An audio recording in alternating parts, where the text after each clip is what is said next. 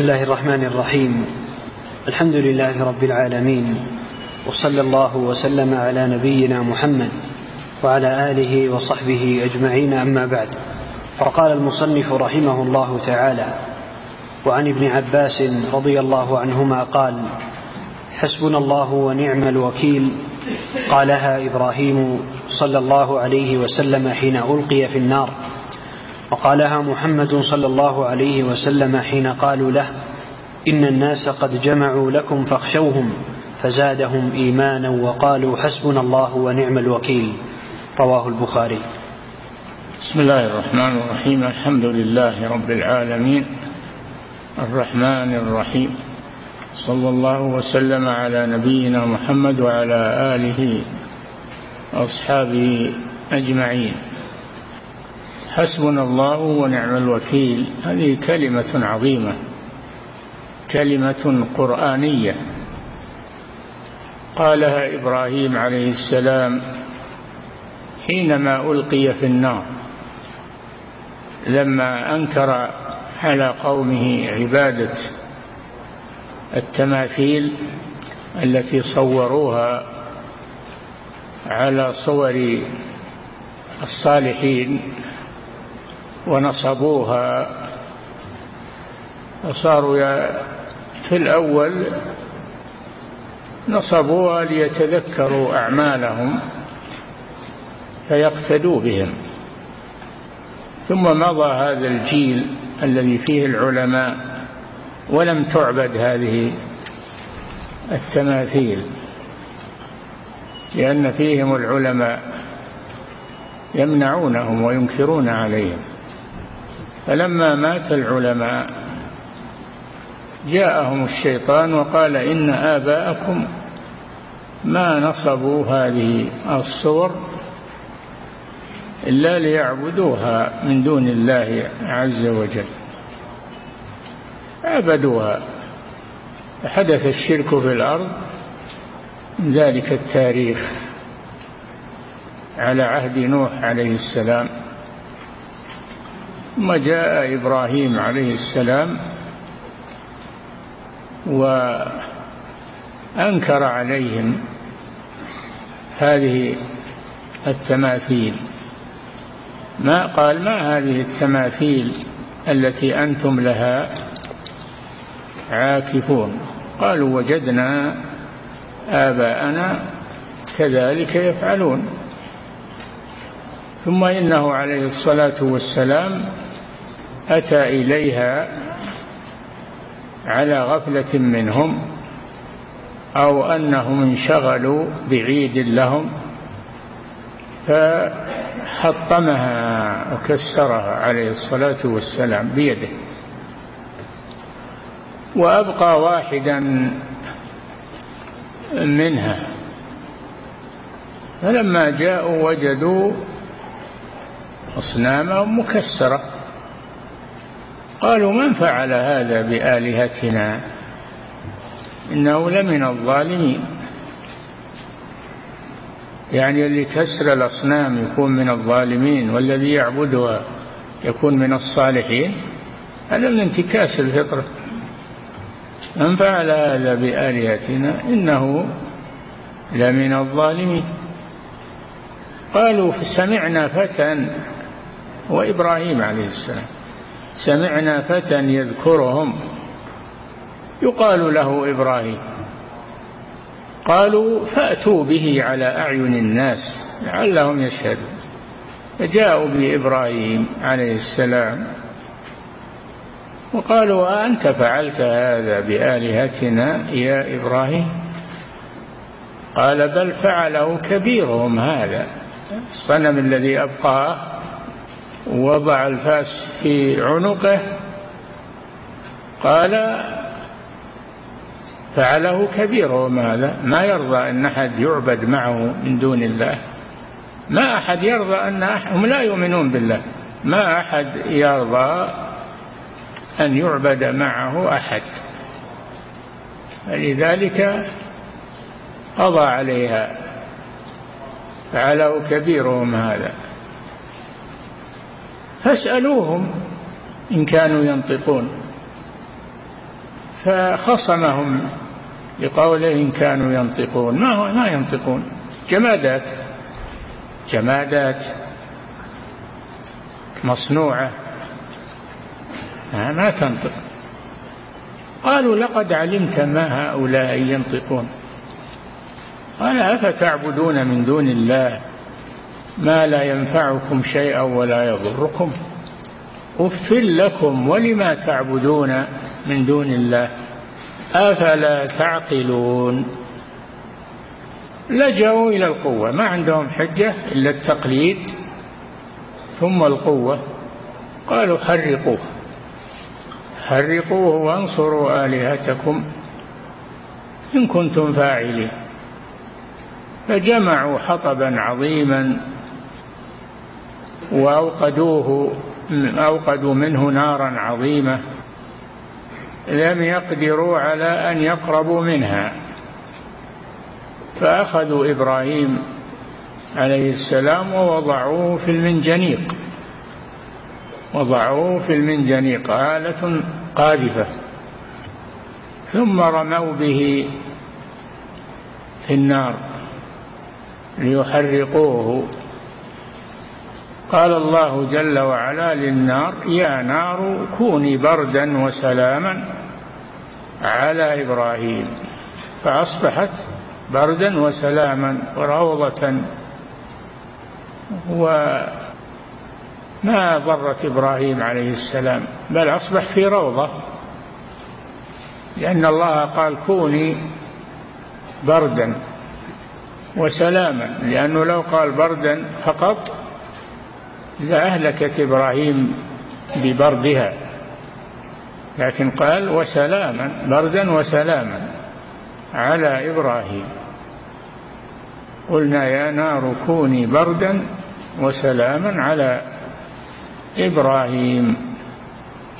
وحينما وضعوه في المنجنيق ليقذفوه في هذه النار قال حسبنا الله ونعم الوكيل.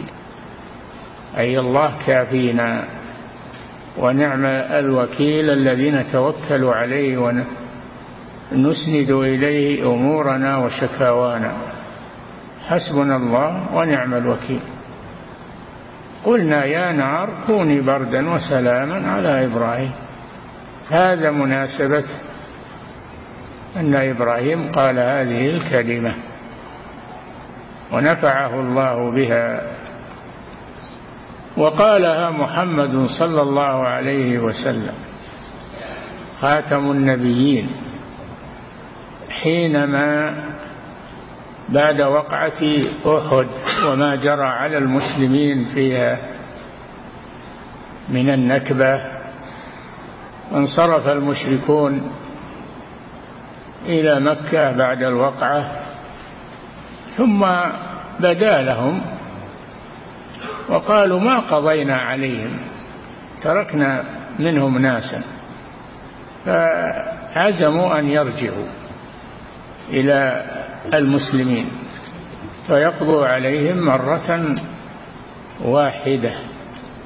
وأرسلوا أرسلوا رجلا منهم أرسلوا رجلا منهم إلى محمد والمسلمين.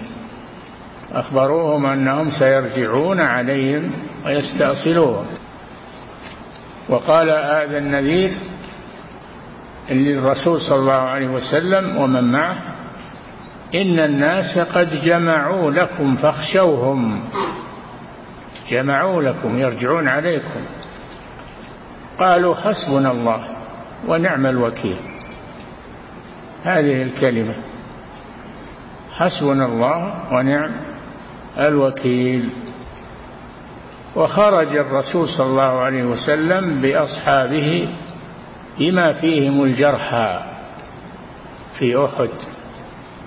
ونزل في مكان قالوا له حمراء الأسد على الطريق إلى مكة.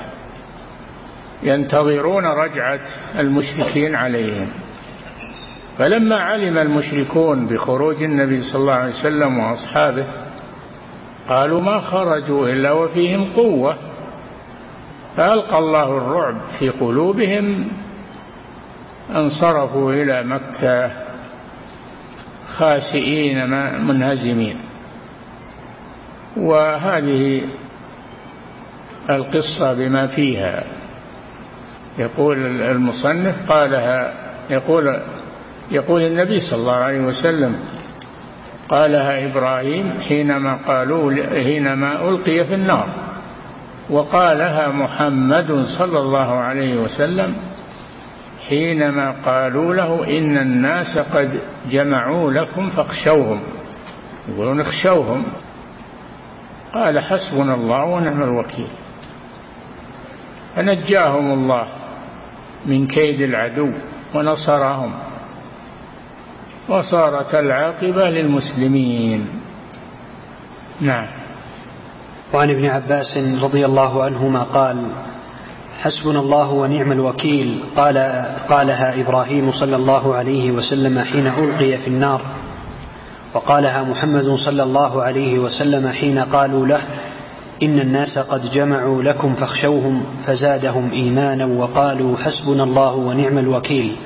بدل, بدل أنهم يخشونهم ويخافون منهم زادهم إيمانا. إيمانا بالله وثقة بالله. قالوا حسبنا الله ونعم الوكيل.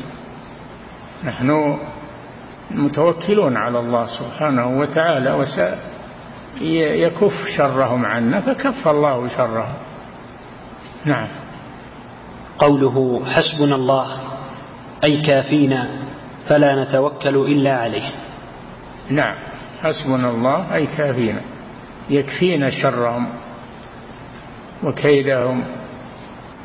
حسبنا الله ونعم الوكيل الموكول إليه أمورنا.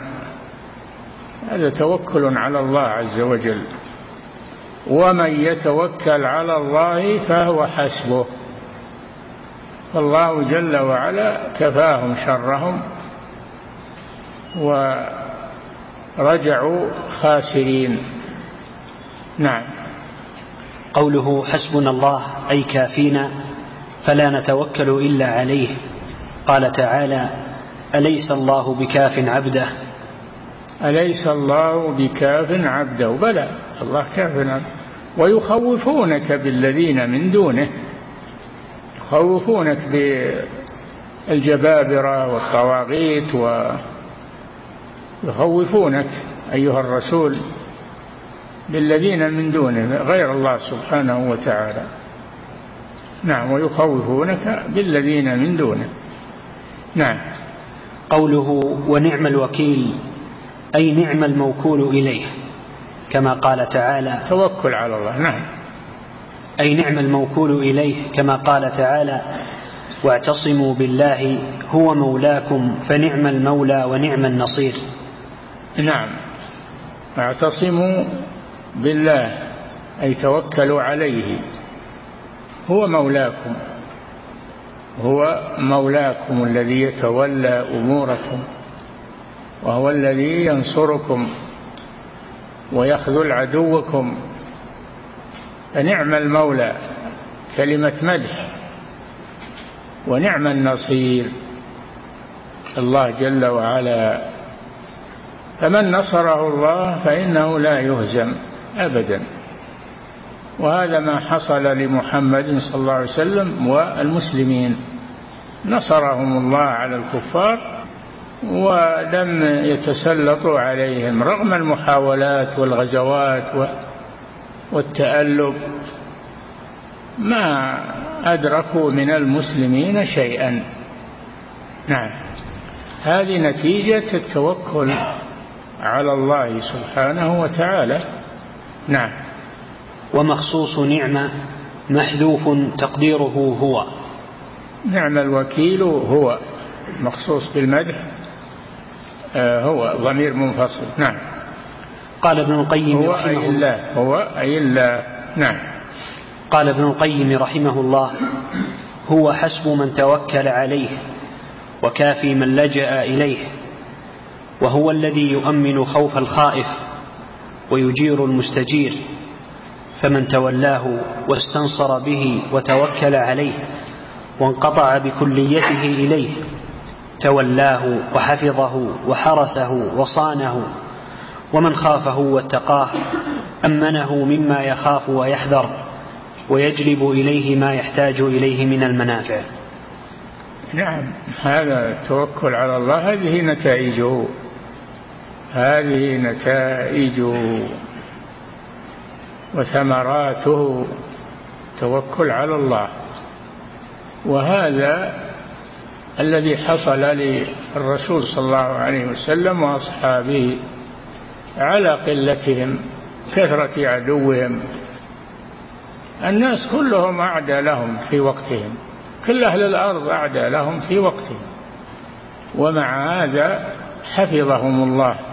من شرهم وكيدهم ونصر محمدا صلى الله عليه وسلم وأصحابه. حتى إنه صلى الله عليه وسلم لما فتح مكة دخل في الكعبة ونقاها مما في جدرانها مما وضعه المشركون غسلها ونقاها. خرج من الكعبة واذا أهل مكة مجتمعون في المسجد المسجد الحرام ينتظرون ماذا يفعل بهم. ينتظرون ماذا يفعل بهم. لأنهم آذوه وقاتلوه وألبوا عليه. ينتظرون ماذا يفعل بهم. قال قال ما تظن يا أهل مكة ما تظنون أني فاعل بكم؟ قالوا خيرا أخ كريم وابن أخ كريم. فقال صلى الله عليه وسلم اذهبوا فأنتم الطلقاء. فعفى عنهم صلى الله عليه وسلم بعدما مكنه الله منهم. قال اذهبوا فأنتم الطلقاء. عفى عنهم عليه الصلاة والسلام. نعم. قوله قالها إبراهيم صلى الله عليه وسلم حين ألقي في النار قال تعالى قالوا حرقوه وانصروا آلهتكم إن كنتم فاعلين. قلنا يا نار كوني بردا وسلاما على إبراهيم وأرادوا به كيدا فجعلناهم الأخسرين. نعم أرادوا بإبراهيم الكيد والتهديد فالله جل وعلا كف شرهم عنه ونصره عليهم وقال لنارهم التي أوقدوها كوني بردا أمرها الله كوني بردا وسلاما. لو لم يقل سلاما لأهلكت إبراهيم بشدة البرد. كوني بردا وسلاما على إبراهيم. نعم. قوله وقالها محمد صلى الله عليه وسلم حين قالوا له إن الناس قد جمعوا لكم فاخشوهم فزادهم إيمانا وقالوا حسبنا الله ونعم الوكيل. وذلك بعد منصرف قريش والأحزاب من أحد.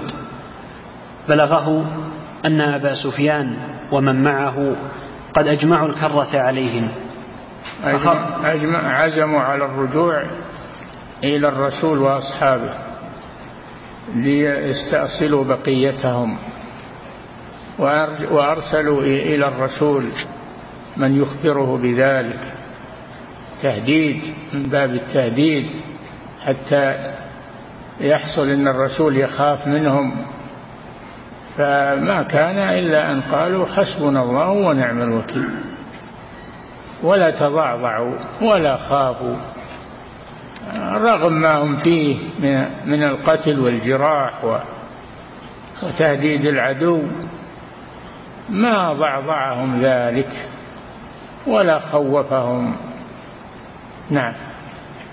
بلغه أن أبا سفيان ومن معه قد أجمعوا الكرة عليهم. أي الرجوع إليهم بعد أحد. نعم. فخرج النبي صلى الله عليه وسلم في سبعين راكبا حتى انتهى إلى حمراء الأسد. فألقى الله الرعب في قلب أبي سفيان فرجع إلى مكة بمن معه ومر به ركب من عبد قيس فقال أين تريدون؟ قالوا نريد المدينة. قال فهل أنتم مبلغون محمدا عني؟ فهل أنتم مبلغون محمدا عني رسالة؟ يقول أبو سفيان لبني عبد القيس أهل الأحساء. نعم. قالوا نعم. قال فإذا وافيتموه فأخبروه أنا قد جمعنا السير إليه وإلى أصحابه لنستأصل بقيتهم.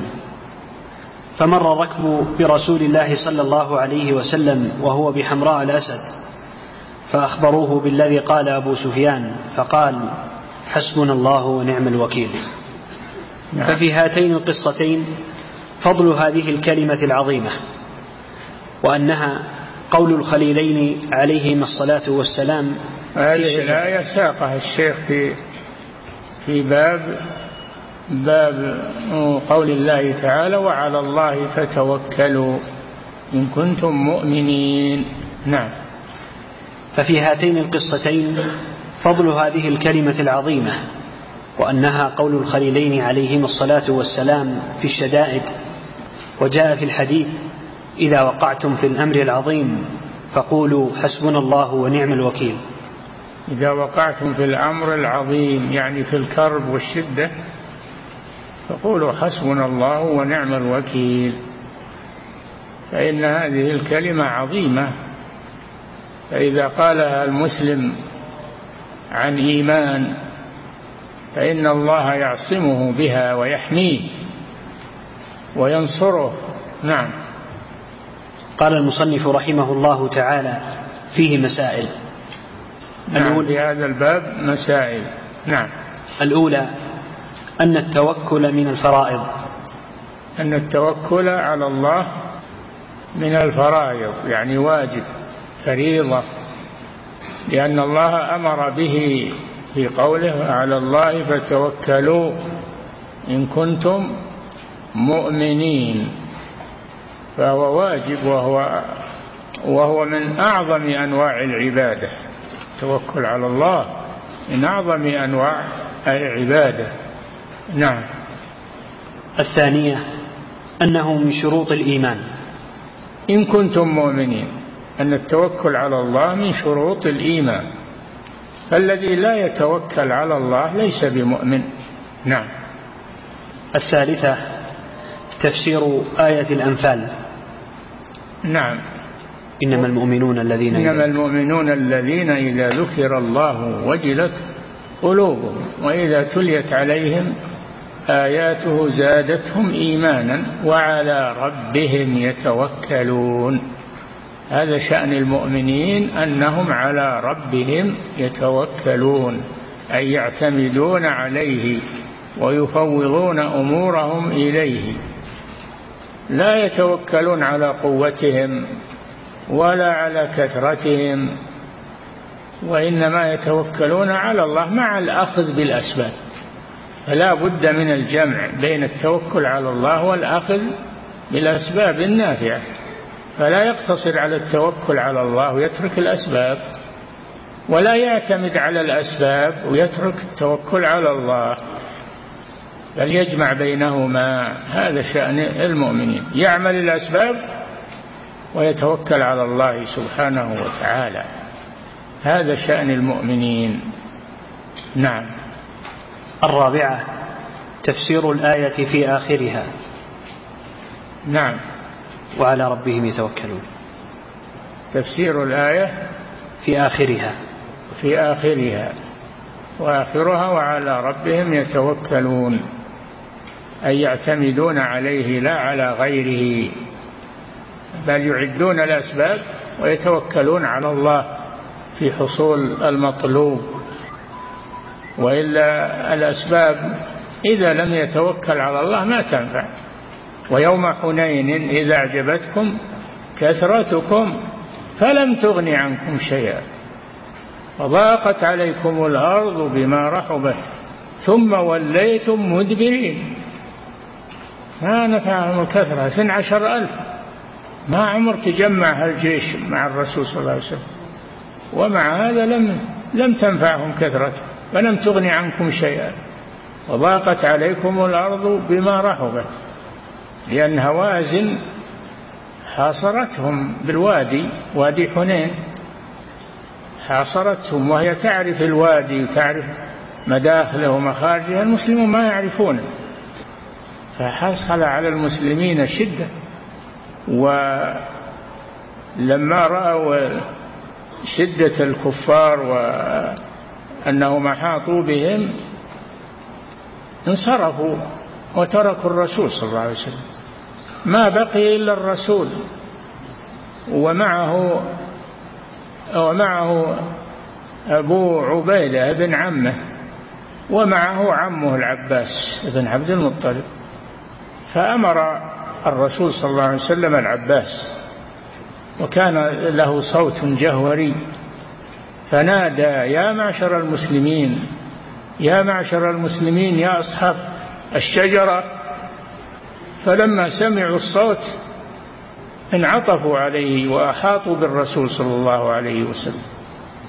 أحاطوا بالرسول صلى الله عليه وسلم فلما رآهم الكف الكفار انهزموا. نعم. الخامسة تفسير آية الطلاق. تفسير آية الطلاق وهي؟ ومن يتوكل على الله. ومن يتوكل على الله نعم. فهو حسبه. فهو حسبه يعني كافيه إن الله بالغ أمره قد جعل الله لكل شيء قدرا. يعني الاعتماد على الله والتوكل على الله شأنه عظيم. مع الأخذ بالأسباب النافعة؟ يجمع بين الأمرين التوكل على الله والأخذ بالأسباب النافعة الواقية بإذن الله. نعم. السادسة عظم شأن هذه الكلمة. حسبنا الله ونعم الوكيل. كلمة عظيمة ولها نتائج عظيمة. إذا قالها المسلم معتقدا لمعناها فإنها حصن حصين له. من عدوه عدوه الجن وعدوه الإنس. نعم. عظم شأن هذه الكلمة أنها قول إبراهيم ومحمد عليهما الصلاة والسلام في قال الخليلان إبراهيم ومحمد صلى الله عليه وسلم. إبراهيم حينما ألقي في النار وقال محمد صلى الله عليه وسلم حينما هدده الكفار إن الناس قد جمعوا لكم فاخشوهم. نعم. قال المصنف رحمه الله تعالى باب قول الله تعالى أفأمنوا مكر الله فلا يأمن مكر الله إلا القوم الخاسرون. أفأمنوا مكر الله؟ هذا استنكار. هذا استنكار. أفأمنوا مكر الله؟ الله جل وعلا يمكر بمن مكر به. أو مكر بأوليائه. والمكر هو إيصال الأذى إلى الشخص من طريق لا يعرفه الشخص ما يدري منين جاء هذا المكر. والله جل وعلا يمكر بمن مكر به ويمكرون ويمكر الله. والله خير الماكرين. لما اجتمعوا يريدون قتل عيسى عليه السلام لما اجتمعوا يريدون قتله وحاصروه رفعه الله من بينهم. رفع الله رفعه الله من بينهم ونجاه منهم ومكروا ومكر الله. والله خير الماكرين. وكذلك المشركون لما مكروا بنبي الله محمد صلى الله عليه وسلم وأصحابه كف الله شرهم ونصر الرسول صلى الله عليه وسلم وأصحابه. نعم. قال الشارح رحمه الله قصد المصنف رحمه الله تعالى بهذه الآية التنبيه على أن الأمن من مكر الله من أعظم الذنوب. أن الأمن من مكر الله يعني إذا أنعم الله عليك وأعطاك ونصرك. فلا تغتر بهذا. وتنسى أن الله سبحانه وتعالى قد يعاقبك ويسلب هذه النعمة منك ويسلط عليك أعداءك. لا تنسى هذا. تغتر بالنعمة وتغتر بالقوة وتغتر بالنصر. لا تغتر بهذا. أبدا. قد الله جل وعلا يسلط عليك من حيث لا تشعر. وهذا هو المكر. وهذا من باب, من باب المقابلة. هذا من باب المقابلة فعل المقابلة والجزاء. فهو عدل من الله جل وعلا. المكر عدل من الله. والمكر من المخلوق هذا آه هذا جريمة. المكر من المخلوق جريمة. والمكر من الله عدل سبحانه وتعالى من باب المقابلة ويمكرون ويمكر الله. ومكروا ومكر الله. مثل مثل الاستهزاء الله يستهزئ بهم. هذا من باب المقابلة والجزاء. الله يستهزئ بهم ويمدهم في طغيانهم يعني المنافقين. ويمدهم في طغيانهم يعمهون العمى أشد من العمى. العمى ما يدري الإنسان وين يروح ولا وين يجي ولا يتصرف. نعم. قال قصد المصنف رحمه الله تعالى بهذه الآية التنبيه على أن الأمن من مكر الله من أعظم الذنوب وأنه ينافي أن الأمن من مكر الله الإنسان ما يأمن من مكر الله. أفأمنوا مكر الله؟ فلا يأمن مكر الله إلا القوم الخاسرون. نعم. وأنه ينافي كمال التوحيد. الإنسان إذا أعطاه الله مالا وأعطاه أولادا وأعطاه آه، مكانة لا يغتر بهذا بل يتذكر أن الله يبتليه ويمتحنه. وهو قادر على أن يحيط به وأن يسلبه ما عنده في لحظة واحدة. نعم. كما أن القنوط من رحمة الله كذلك. نعم يتقابلان القنوط من رحمة الله والأمن من مكر, من مكر الله كلاهما مذموم فلا يقنط من رحمة الله. لما جاء الملا جاء جاءت الملائكة إلى إبراهيم عليه السلام وبشروه بالولد. وقد بلغ التسعين أو المئة. ما جاء عيال بشروه بالولد. قال أبشرتموني على أن مسني الكبر؟ فبم تبشرون؟ قالوا بشرناك بالحق. فلا تكن من القانطين. فقال عليه الصلاة والسلام ومن يقنط من رحمة ربه إلا الضالون؟ نعم. وذلك يرشد إلى أن المؤمن يسير إلى الله بين الخوف والرجاء. نعم. كما دل على ذلك الكتاب والسنة. نعم يكون المؤمن بين الخوف والرجاء. يقولون المؤمن يكون بين الخوف والرجاء كالطائر بالجناحين. كالطائر بالجناحين يكون معتدل. هذا في في حياته. أما إذا نزل به الموت فإنه يغلب جانب الرجاء بالله عز وجل. لأن العمل انقطع وانتهى فيعظم الأمل بالله عز وجل. لا يموتن أحدكم إلا وهو يحسن الظن بالله. نعم. وذلك يرشد إلى أن المؤمن يسير إلى الله بين الخوف والرجاء. كما دل على ذلك الكتاب والسنة وأرشد إليه السلف والأئمة. أي نعم. ومعنى الآية أن الله تبارك وتعالى لما ذكر حال أهل القرى المكذبين للرسل بين أن الذي حملهم على ذلك هو الأمن من مكر الله. لما ذكر الله ما حل بالأمم السابقة في سورة الأنعام قال تعالى أفأمنوا مكر الله؟ أولم يهد للذين يرثون الأرض من بعد أهلها أن لو نشاء أصبناهم بذنوبهم ونطبع على قلوبهم فهم لا يسمعون. تلك القرى نقص عليك من أنبائها. فهذا ذكره الله في سورة أول سورة الأنعام. نعم. ومعنى الآية أن الله تبارك وتعالى لما ذكر حال أهل القرى المكذبين للرسل بين أن الذي حملهم على ذلك هو الأمن من مكر الله وعدم الخوف منه. اي نعم لما أعطاهم الله وأنعم عليهم نسوا العقوبة ونسوا أن الله يغير سبحانه وتعالى عليهم. نسوا هذا واغتروا بما في أيديهم من القوة ومن النعمة. وهذه طريقة خاسرة والعياذ بالله. فالإنسان لا يغتر بما أعطاه الله من الصحة ومن المال ومن الأولاد بل يتوقع من الله التغيير. الله يغير إن الله لا يغير ما بقوم حتى يغيروا ما بأنفسهم. وإذا أراد الله بقوم سوءا فلا مرد له وما لهم من دونه من وال.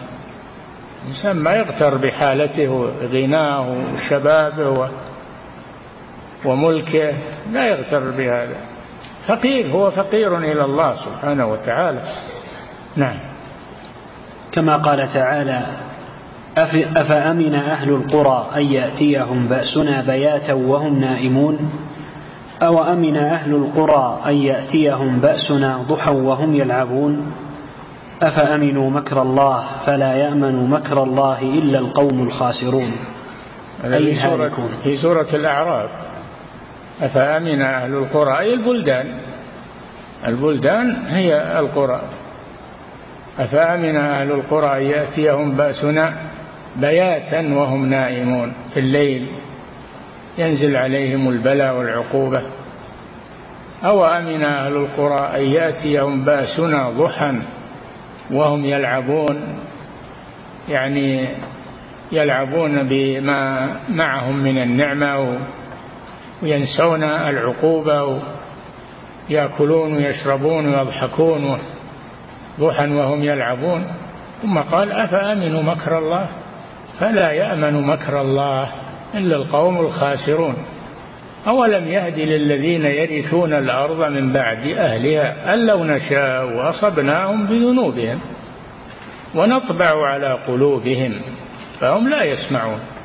يعني إذا تمادوا في هذا الأمر طبع الله على قلوبهم وضع عليها الطابع فلا يصل إليها لا يصل إليها خير ولا تنتفع بمواعظ ولا تنتفع مطبوع عليها.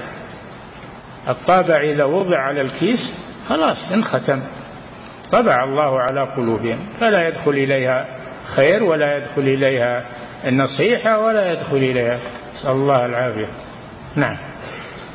كما قال تعالى أفأمن أهل القرى أن يأتيهم بأسنا بياتا وهم نائمون؟ أو أمن أهل القرى أن يأتيهم بأسنا ضحى وهم يلعبون؟ وهم نائمون وهم يلعبون. متقابلان. النايم نايم لا يدري عن شيء لكن اللي يلعب ويسرح ويمرح هذا متيقظ ولكنه آمن من عذاب الله والعياذ بالله. نعم. أفأمنوا مكر الله فلا يأمن مكر الله إلا القوم الخاسرون أي الهالكون. المكر في أصله مذموم لكن المكر إذا كان في محله فهو محمود فهو محمود من الله عز وجل لأنه في محله. وهو جزاء على الكفر والشرك والمعاصي فهو عدل منه سبحانه وتعالى. نعم. وذلك أنهم أمنوا مكر الله لما استدرجهم بالسراء والنعم فاستبعدوا أن يكون ذلك مكرا. وقالوا قد مس آباءنا الضراء والسراء. يقول هذا شيء عادي يعني المصائب وهذا الأمور اللي تجري ما هي دليل على غضب الله وعلى هذا شيء عادي يجري على اللي قبلنا ويجري علينا. ويروح ما هكذا يظنون. نعم. قال الحسن رحمه الله من وسع الله عليه حسن البصري نعم. قال من وسع الله عليه فلم ير أنه ينكر فلم ير أنه يمكر به فلا رأي له. من وسع الله عليه وأمن أن الله يمكر به ويستدرجه فلا عقل له. نعم. قال الحسن. قال الحسن من وسع الله عليه فلم ير أنه يمكر به فلا رأي له. وليس عنده رأي. رأي ينفعه. بل على الإنسان أن يخاف من مكر الله. أفأمنوا مكر الله؟ لا. يخاف من مكر الله ولا يأمن ولا يغتر بما معه وما عنده من المال والقوة والشباب و... أي نعم. وقال قتادة رحمه الله بغت القوم أمر الله وما أخذ الله قوما قط إلا عند سلوتهم وغرتهم ونعمتهم فلا تغتروا بالله. قال قال قتادة قتادة بن دعامة الدوسي. هذا من أصحاب ابن عباس رضي الله عنه. نعم. قال بغت القوم أمر الله. نعم بغتهم على غرة. أصابهم على غرة وهم آمنون. نعم. وما أخذ الله قوما قط إلا عند سلوتهم. وما؟ وما أخذ الله قوما قط إلا عند سلوتهم وغرتهم ونعمتهم. ونعمتهم. نعم. ونعمتهم نعم. فلا تغتروا بالله. لا تغتروا بالله إذا أعطاكم ووسع عليكم. بل خافوا أن هذا مكر من الله وأن وراءه عقوبة. خافوا من هذا. نعم. وفي الحديث إذا رأيت الله يعطي العبد من الدنيا وهو مقيم على معاصيه ما يحب فإنما هو استدراج. إذا رأيت الله يعطي العبد يعطيه من النعم وهو مقيم على المعصية فليس هذا رضا من الله وإنما هو استدراج فعليه التوبة إلى الله وعدم الاغترار بهذا. مش اللي حصل لقارون وآتيناه من الكنوز مع إن مفاتحه مفاتح الكنوز وحدها. لتنوء بالعصبة تثقل العصبة الجماعة أولي القوة هذه المفاتيح فقط. إذ قال له قومه لا تفرح نصحوه. الفرح المراد به فرح الغرور. لا تفرح إن الله لا يحب الفرحين. قال إنما أوتيته على علم عندي. ما لله فضل في هذا؟ أنا اللي محصله. وبخبرتي حصلت هذا المال ومعرفتي على علم عندي. أولم يعلم أن الله قد أهلك من قبله من القرون؟ من هو أشد منه قوة وأكثر جمعا؟ نعم. في الحديث إذا رأيت الله يعطي العبد من الدنيا وهو مقيم على معاصيه ما يحب فإنما هو استدراج. رواه أحمد وابن جرير وابن أبي حاتم. نعم. وقال إسماعيل بن رافع من الأمن من الأمن من مكر الله إقامة العبد على الذنب يتمنى على الله المغفرة. رواه إقامة العبد على الذنب وهو يتمنى المغفرة يتمنى المغفرة وهو مقيما على الذنب. يتمنى المغفرة الذي يستغفر الله أما المقيم على الذنب ولا يستغفر الله هذا غرور بالله عز وجل. غرهم بالله الغرور. نعم. من الأمن من مكر الله إقامة العبد على الذنب يتمنى على الله المغفرة. رواه ابن أبي حاتم. الله يغفر لمن تاب ولا يغفر لمن أقام على الذنب ويستغفر وهو مقيم على الذنوب. نعم. وهذا هو تفسير المكر في قول بعض السلف. يستدرجهم الله بالنعم إذا عصوه ويملي لهم ثم يأخذهم أخذ عزيز مقتدر. نعم. وهذا هو معنى المكر والخديعة ونحو ذلك ذكره ابن جرير بمعناه. نعم الله جل وعلا يخادعون الله وهو خادعهم. الله خادعهم جزاء لهم. الله جل وعلا لا يخدع إلا بسبب. فهم لما عصوا الله صار ينعم عليهم ويعطيهم من باب الخديعة لهم. ليستمروا على ما هم عليه. نعم. قال المصنف رحمه الله تعالى وقوله ومن يقنط من رحمة ربه إلا نعم نعم. يكفي نقل نعم.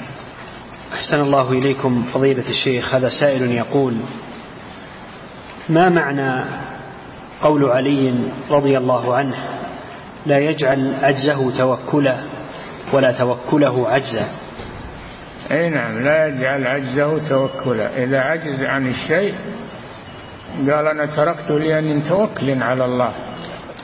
توكل على الله. ولا يتوكل على الله ويترك العمل ما يعمل. هذا عجز. ما هو بتوكل على الله. نعم. أحسن الله إليكم فضيلة الشيخ هذا سائل يقول كيف أجمع بين إحسان الظن بالله مع عدم الأمن من مكر الله؟ كيف؟ يقول أحسن الله إليكم. كيف أجمع بين إحسان الظن بالله مع عدم الأمن من مكر الله؟ أي نعم لا تأخذ جانب وتترك الجانب الثاني. لازم تجيب الجانبين معا. فلا تأمن من مكر الله وتحسن الظن بالله عز وجل. تجمع بينهما. نعم. أحسن الله إليكم فضيلة الشيخ هذا سائل يقول ذكر بعضهم تعريفا للتوكل فقال هو صدق اعتماد القلب على الله والثقة به مع الأخذ بالأسباب فجعل من لا يأخذ بالأسباب ليس متوكلا على الله هل هذا القيد صحيح؟ لا ما يكفي التوكل على الله وترك الأسباب لازم من الجمع بينهما توكل على الله ويأخذ الأسباب فلا يعتمد على الأسباب ويترك التوكل على الله. ولا يتوكل على الله ويترك الأسباب. لابد من الجمع بينهما. نعم الرسول صلى الله عليه وسلم هو سيد المتوكلين وكان يأخذ بالأسباب. يلبس المغفر ويلبس الدرع للجهاد. هذا من أخذ الأسباب. وهو رسول الله. لكن الله أمره باتخاذ الأسباب الواقية. نعم. أحسن الله إليكم فضيلة الشيخ هذا سائل يقول ما حكم قول إن الله سلب النار الإحراق وغير خاصيتها حينما قذف فيها إبراهيم؟ وقوة وقوة نعم. قال لها يا نار كوني بردا. يعني بدل الحرارة والوقود كوني بردا. وسلاما على إبراهيم. فسلبها الحرارة. نعم. وجعلها باردة. نعم. وهو قادر على كل شيء. نعم. وكذا قال إن الله سلب السكين خاصية القطع حينما أمر الله إبراهيم بذبح إسماعيل. أي نعم. إبراهيم عليه السلام أمره الله بذبح ابنه. فذبح يعني تله للجبين وأجرى السكين على يده لكنها لم تقطع لأن الله منعها من القطع. وحصل المقصود وهو أن إبراهيم امتثل أمر الله عز وجل. نعم. أحسن الله إليكم فضيلة الشيخ هذا سائل يقول وإبراهيم رأى في الرؤيا يعني أن الله أمره بذبح إسماعيل. هذه رؤيا رآها ورؤيا الأنبياء حق. فلما فأراد أن ينفذ الرؤيا إني أرى في المنام أني أذبحك. رؤيا الأنبياء وحي حق. قال يا أبت افعل ما تؤمر. شوف الإبن أيضا. ستجدني إن شاء الله من الصابرين. ما قال تجدني من الصابرين؟ قال إن شاء الله. ستجدني إن شاء الله من الصابرين. فلما أسلم أسلم لله سلم الأمر لله وتله للجبين وناديناه أي يا إبراهيم قد صدقت الرؤيا. حصل المطلوب. صدقت الرؤيا. خلاص حصل المطلوب. ولم يبقى إلا الذبح. ذبح لا فائدة فيه. نعم. أحسن الله إليكم فضيلة الشيخ. هذا سائل يقول سمعت فتوى لفضيلتكم بعدم جواز قول والنعم بالله. أليس في قوله نعم ولا نعم بالله ولا نعمة هذا اللي نعم. يقول أليس في قوله نعم الوكيل ونعم النصير ما قال ولا نعمة نعمة أما نعم لا بأس. نعم. أحسن الله إليكم. سمع يستعجل قبل يفهم الشيء. نعم.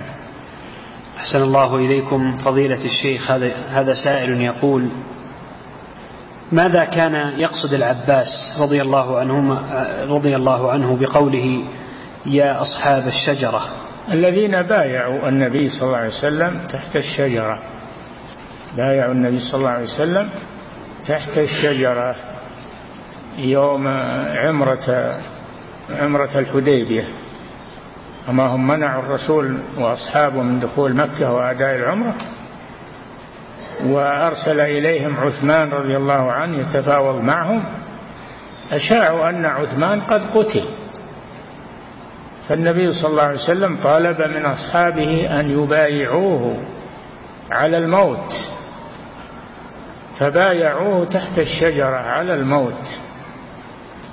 فهذه الشجرة نعم. لقد رضي الله عن المؤمنين إذ يبايعونك تحت الشجرة. صار الناس يتبركون بهذه الشجرة. فلما رآهم عمر يذهبون إليها ويتبركون بها قطعها رضي الله عنه. نعم. أحسن الله إليكم فضيلة الشيخ هذا سائل يقول ما حكم قول حسبي الله على فلان؟ يقول ما حكم قول حسبي الله على فلان؟ إن كان فلان قد ظلمه وقال حسبي الله عليه من باب إنه إن الله ينتقم منه مقابل ما ظلمه فلا بأس بذلك ولكن العفو والمسامحة أحسن من الدعاء عليه. نعم. أحسن الله إليكم فضيلة الشيخ هذا سائل يقول ذكر الشيخ محمد بن عبد الوهاب رحمه الله. باب قوله تعالى ومن الناس من يتخذ من دون الله أندادا وهو في المحبة. وبعده ذكر باب قول الله تعالى إنما ذلكم الشيطان يخوف أولياءه وهو في الخوف والباب الذي يليه قال باب قول الله وعلى الله فتوكلوا إن كنتم مؤمنين ولم يذكر بابا في الرجاء. نعم. يقول ولم يذكر بابا في الرجاء وذكر بدله باب في التوكل. هو لازم يذكر كل ما تريد. وذكر الأبواب المناسبة. نعم. أحسن الله إليكم فضيلة الشيخ هذا سائل يقول هل من لم يقل حسبنا الله ونعم الوكيل ينتفي عنه أصل الإيمان أم كماله؟ ها؟ يقول من لم يقل حسبنا الله ونعم الوكيل أو من لم يؤمن بحسبنا, بحسبنا الله ونعم الوكيل. يقول هل ينتفي؟ إذا لم يؤمن بحسبنا الله ونعم الوكيل ينتفي عنه الإيمان كله. يكفر بهذا. نعم. أحسن الله إليكم فضيلة الشيخ هذا سائل يقول هل الخوف على الأبناء والتفكير بهم حال غيابهم من باب الشفقة عليهم ينافي, ينافي التوكل؟ لا ما ينافي التوكل هذا خوف طبيعي. هذا خوف طبيعي. ما الإنسان يخاف من السبع يخاف من العدو يخاف ولا يضر هذا خوف طبيعي له. نعم. أحسن الله إليكم فضيلة الشيخ هذا سائل يقول في قول الله تعالى والله خير الماكرين هل المكر من صفات الله؟ أي نعم المكر من باب المقابلة جزاء. هذا جزاء. وعدل منه سبحانه وتعالى. نعم. أحسن الله إليكم فضيلة الشيخ هذا سائل يقول ما حكم الاعتقاد بعقيدة الماتوريدية إيش؟ يقول ما حكم الاعتقاد بعقيدة الماتوريدية ضلال. عقيدة الماتوريدية ضلال. مثل عقيدة الأشاعرة الكلابية. نعم. فيها ضلال. نعم. أحسن الله إليكم فضيلة الشيخ هذا سائل يقول هل المؤمنون يرون الله تعالى في الجنة بذاته؟ نعم. يرون الله عيانا بأبصارهم كما يرون القمر. هذا في الحديث. كما يرون القمر ليلة البدر. وكما يرون الشمس صحوا ليس دونها سحاب. هذا في الحديث الصحيح. نعم. أحسن الله إليكم فضيلة الشيخ هذا سائل يقول ما الفرق بين القدر الكوني والقدر الشرعي؟ ما هنا قدر شرعي؟ قدر كوني. نعم. أحسن الله إليكم فضيلة الشيخ هذا سائل يقول أظن يقصد الإرادة الإرادة الكونية والإرادة الشرعية. نعم. أحسن الله إليكم فضيلة الشيخ هذا سائل يقول في مسجد قريتنا قبور وليس في القرية مسجد سواه. هل يجوز لي الصلاة فيه؟ لا. لا تصلي به اجعلوا لكم مسجد في حارتكم وصلوا فيه. ولو لم تبنوا يكون ساحة مثلا تحتجزونها وتصلون فيها إلى أن يتيسر لكم مسجد ليس فيه قبر. نعم. أحسن الله إليكم فضيلة الشيخ هذا سائل يقول كيف الرد على من يقول بأن عيسى عليه السلام قد مات؟ وهو يستدل بقوله تعالى فلما بقوله فلما توفيتني كنت أنت الرقيب عليهم. ما هو موت هذا؟ توفي توفي يعني قبضه قبض قبض ما هو ما هو بموت مثل النائم النائم وهو الذي يتوفاكم بالليل ويعلم هذا النوم وفاة وفاة صغرى.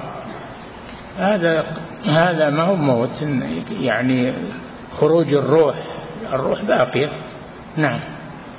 أحسن الله إليكم فضيلة الشيخ هذا سائل يقول ما حكم الاشتراك مع بعض الجماعات للدعوة. ما فيه إلا جماعة واحدة يا إخوان جماعات والحزبيات لا خير فيها. اعتصموا بحبل الله جميعا ولا تفرقوا. جماعة واحدة هم أهل السنة والجماعة. ما فيه غير أهل السنة والجماعة على الحق المحض الذي لا لبس فيه. بقية الجماعات عندها أخطاء عندها ضلالات ولكنها ليست على حد سواء منها ما هو قريب ومنها ما هو بعيد. لكن ما في الإسلام جماعات ما فيه إلا جماعة واحدة. اعتصموا حبل الله جميعا ولا تفرقوا.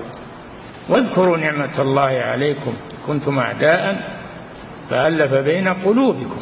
نعم. أحسن الله إليكم فضيلة الشيخ هذا سائل يقول ما صحة حج من حج بمال التوسل بمال التسول؟ إيه؟ يقول ما صحة حج من حج بمال التسول؟ بمال إيش؟ التسول. تسول؟ نعم. لما حصل عنده ملكة. يحج منه. إذا كان يريد التورع ويختار مال ليس فيه شبهة هذا أحسن. نعم. أحسن الله إليكم فضيلة الشيخ هذا سائل يقول ما حكم إخراج زكاة مال الإبل زكاة الإبل بالمال النقدي؟ ما حكم؟ إخراج زكاة الإبل بالمال النقدي. إيه هو العمل على هذا. العمال اللي يأخذ يخرجون لقبض الزكاة من أصحاب الإبل يأخذون دراهم. يقومونها بما تساوي ويأخذونها دراهم نعم. أحسن الله إليكم فضيلة الشيخ هذا سائل يقول هل يجوز أن أعطي أخي من زكاة مالي ليؤدي عمرة الإسلام علما أنه ليس بفقير؟ ليس بفقير. ما ما في بأس. نعم. أحسن, أحسن الله إليكم. هذا مال الزكاة شيخ. يعطيه من مال الزكاة. ما هو من ماله هو؟ لا. الزكاة ما تعطى للغني. لا تحل لغني. نعم. أحسن الله إليكم فضيلة إنما الشيخ. الصدقات للفقراء والمساكين. هذا ثمانية ثمانية في الآية. ما تعدها الثمانية. نعم.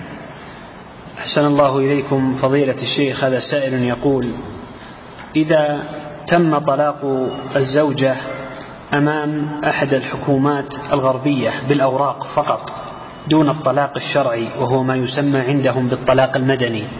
يقول هل يقع الطلاق شرعيا؟ أي نعم إذا تلفظ بالطلاق وقع. إذا تلفظ به أو كتبه أو كتبه فإنه يقع. نعم. أحسن الله إليكم فضيلة إلا إذا كان مكرها. إذا كان مكرها على الطلاق فلا يقع. لا طلاق في إغلاق. نعم.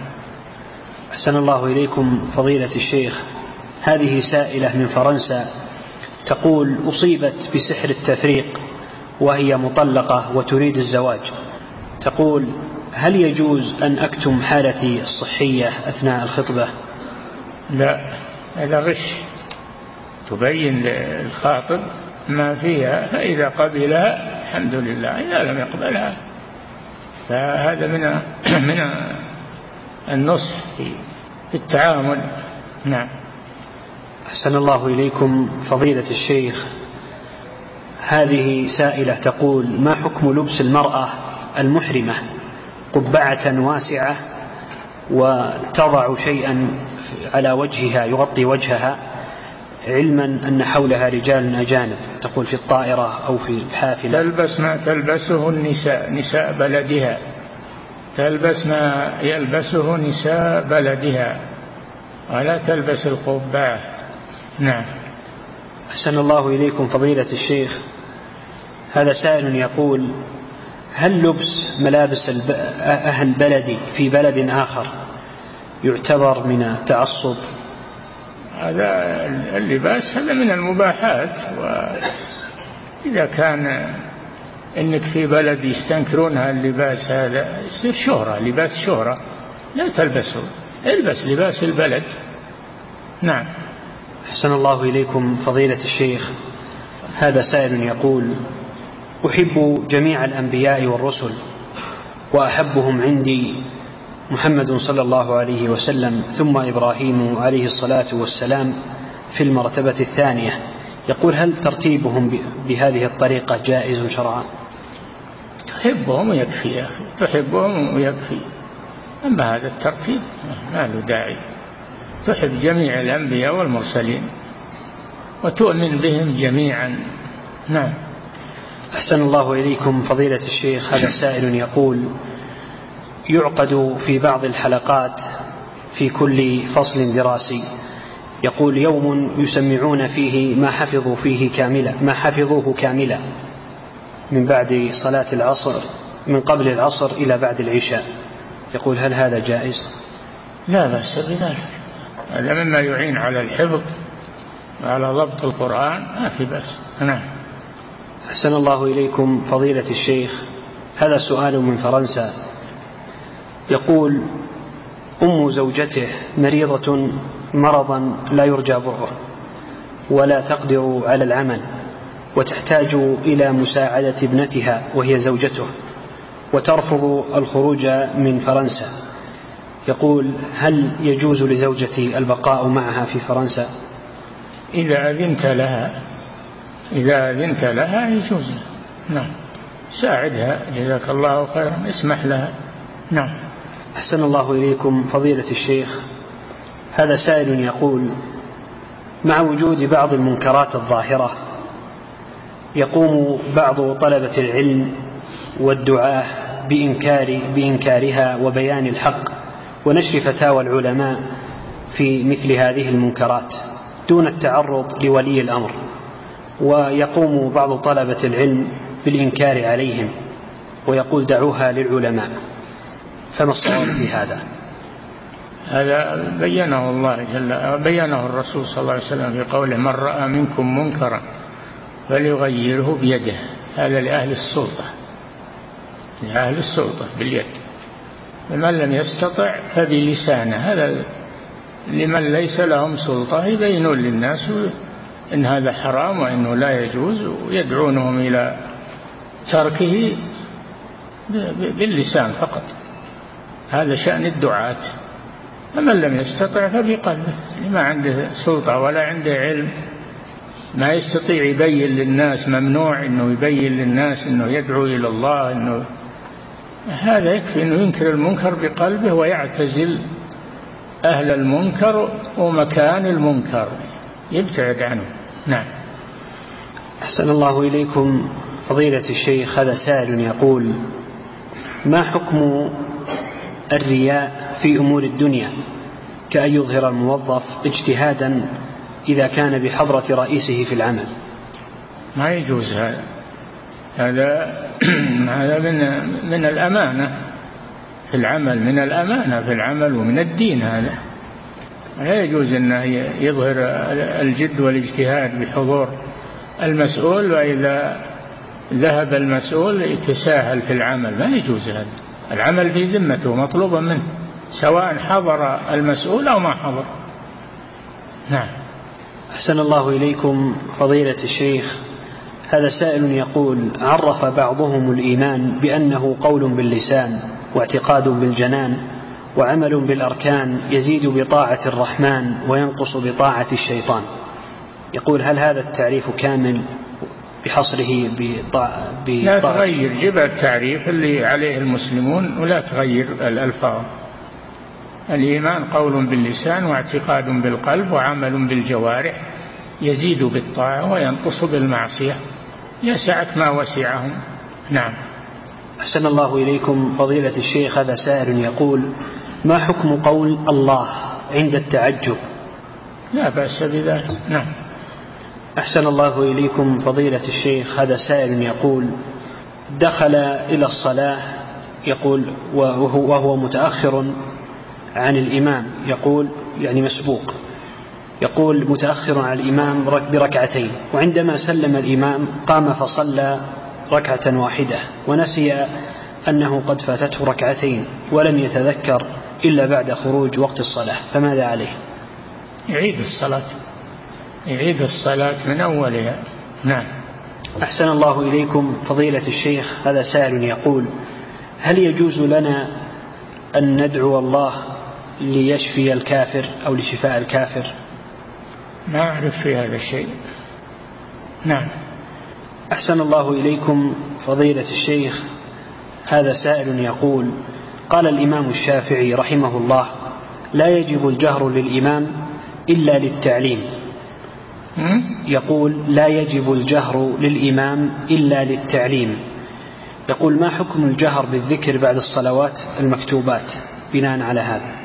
السنة الجهر بالذكر بعد الصلاة بعد الصلوات المكتوبات بالذكر الوارد الذكر الوارد بعد الصلوات. نعم. أحسن الله إليكم فضيلة الشيخ. هذا سائل يقول ما حكم وصف بعض العصاة بقوله فلان العاهر أو الفاجر أو العربيد. لا يجوز التعيير بالمعصية بل عليه أن يناصحه وأن يستر عليه. إن ستر مسلما ستره الله الدنيا والآخرة مع دعوته ونصحه. نعم. أحسن الله إليكم فضيلة الشيخ. هذا سائل يقول ما شروط وموانع التكفير؟ تكفير ما ما ينبغي إن أنه يكون على ألسنة الناس وعلى التكفير إنما يكون لأهل العلم والبصيرة. هم الذين يتولون هذا. نعم. وأما عامة الناس وطلبة العلم غير المتمكنين والمبتدئين لا يجعلون التكفير ديدنهم على ألسنتهم. نعم. أحسن الله إليكم فضيلة الشيخ. هذا سائل يقول هل يجوز للمسافر الجمع بين صلاة الجمعة وصلاة العصر؟ لا. لا لا يجوز هذا. صادر في فتوى بمنعه لأنه صلاة العصر ليست من جنس الجمعة. نعم. أحسن الله إليكم فضيلة الشيخ. هذا سائل يقول كيف نوفق بين ركنية الفاتحة في الصلاة وبين صحة ركعة المسبوق الذي أدرك الركوع مع الإمام؟ تسقط عنه. أسقطها الله عنه. نعم. أحسن الله إليكم فضيلة الشيخ. هذا سائل يقول أنه حصل منه جماع في نهار رمضان وتاب إلى الله ولا يستطيع صيام شهرين متتابعين لأنه يعمل كموزع للبضائع على السيارة من الفجر إلى الليل. يقول فهل ينتقل إلى الإطعام نعم ما فيه إطعام ما فيه إطعام فيه فيه القضاء. يقضي ما تركه من الصيام. وإذا لم يستطع في وقت أخره إلى وقت آخر. وقت القضاء موسع الحمد لله. ولا يأخذ إجازة. يأخذ إجازة قدر الأيام التي يصومها. نعم. أحسن الله إليكم فضيلة الشيخ. هذا سائل يقول رجل أعطى زكاة الفطر لشخص ليخرجها عنه ولكن هذا الموكل يقول لم يخرجها إلا بعد صلاة العيد. فهل تبرأ ذمة الرجل الأول أم لا؟ أي نعم إذا أخرجها تبرأ ذمة الرجل الأول. إذا كان أنه ناسيا وأخرها نسيانا فلا بأس. نعم. أحسن الله إليكم فضيلة الشيخ. هذا سائل يقول ما حكم علاج المرأة عند طبيب رجل؟ يقول للحاجة. إذا لم يوجد غيره من طبيبات النساء والمرأة متضررة فلا بأس بذلك. هذه ضرورة. نعم. أحسن الله إليكم فضيلة الشيخ. هذا سائل يقول ما حكم زيارة القبور للنساء؟ حرام ملعونات. قال صلى الله عليه وسلم لعن الله زوارات القبور. في رواية لعن الله زائرات القبور. لا يجوز للمرأة أن تزور القبور. نعم. أحسن الله إليكم فضيلة الشيخ هذا سائل يقول إذا وجد بللا على ثيابه بعد الاستيقاظ من النوم ولا يعرف هل هو مني أو مذي فماذا يفعل؟ يغسله يغسله من ثوبه والحمد لله ويغتسل هو يغتسل هو. لأن قد يكون احتلم ولا ولم يشعر بذلك. فيغتسل ويغسل ما أصابه. نعم. أحسن الله إليكم فضيلة الشيخ. هذا سائل يقول هل تسقط صلاة الجماعة على من ابتلي ببخر في الأنف في الفم؟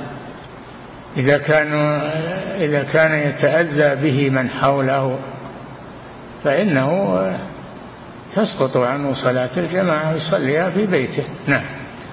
أحسن الله إليكم فضيلة الشيخ هذا سائل يقول إذا سننت مثل أكل البصل أكل البصل منعه النبي صلى الله عليه وسلم من دخول المسجد.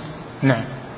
أحسن الله إليكم فضيلة الشيخ هذا سائل يقول إذا سننت في الإسلام سنة سيئة وتبت بعدها يقول هل أحمل أوزار من اتبعني فيها؟ بلغهم بلغهم إن, أن هذا خطأ وأني ارتكبته خطأ فاتركوه. نعم. أحسن الله إليكم فضيلة الشيخ هذا سائل يقول ما حكم الكلام في عرض معاوية رضي الله عنه؟ نسأل الله العافية. معاوية صحابي جليل وأمير المؤمنين ولا رأى المسلمون منه إلا الخير فلا يجوز الكلام فيه. لصحابي جليل وأمير المؤمنين ولا حصل منه إلا الخير والوقوف في وجوه المبتدعة. نعم. الوقوف في وجوه الخوارج. نعم. انتهى. الله تعالى أعلم وصلى الله وسلم على نبينا محمد.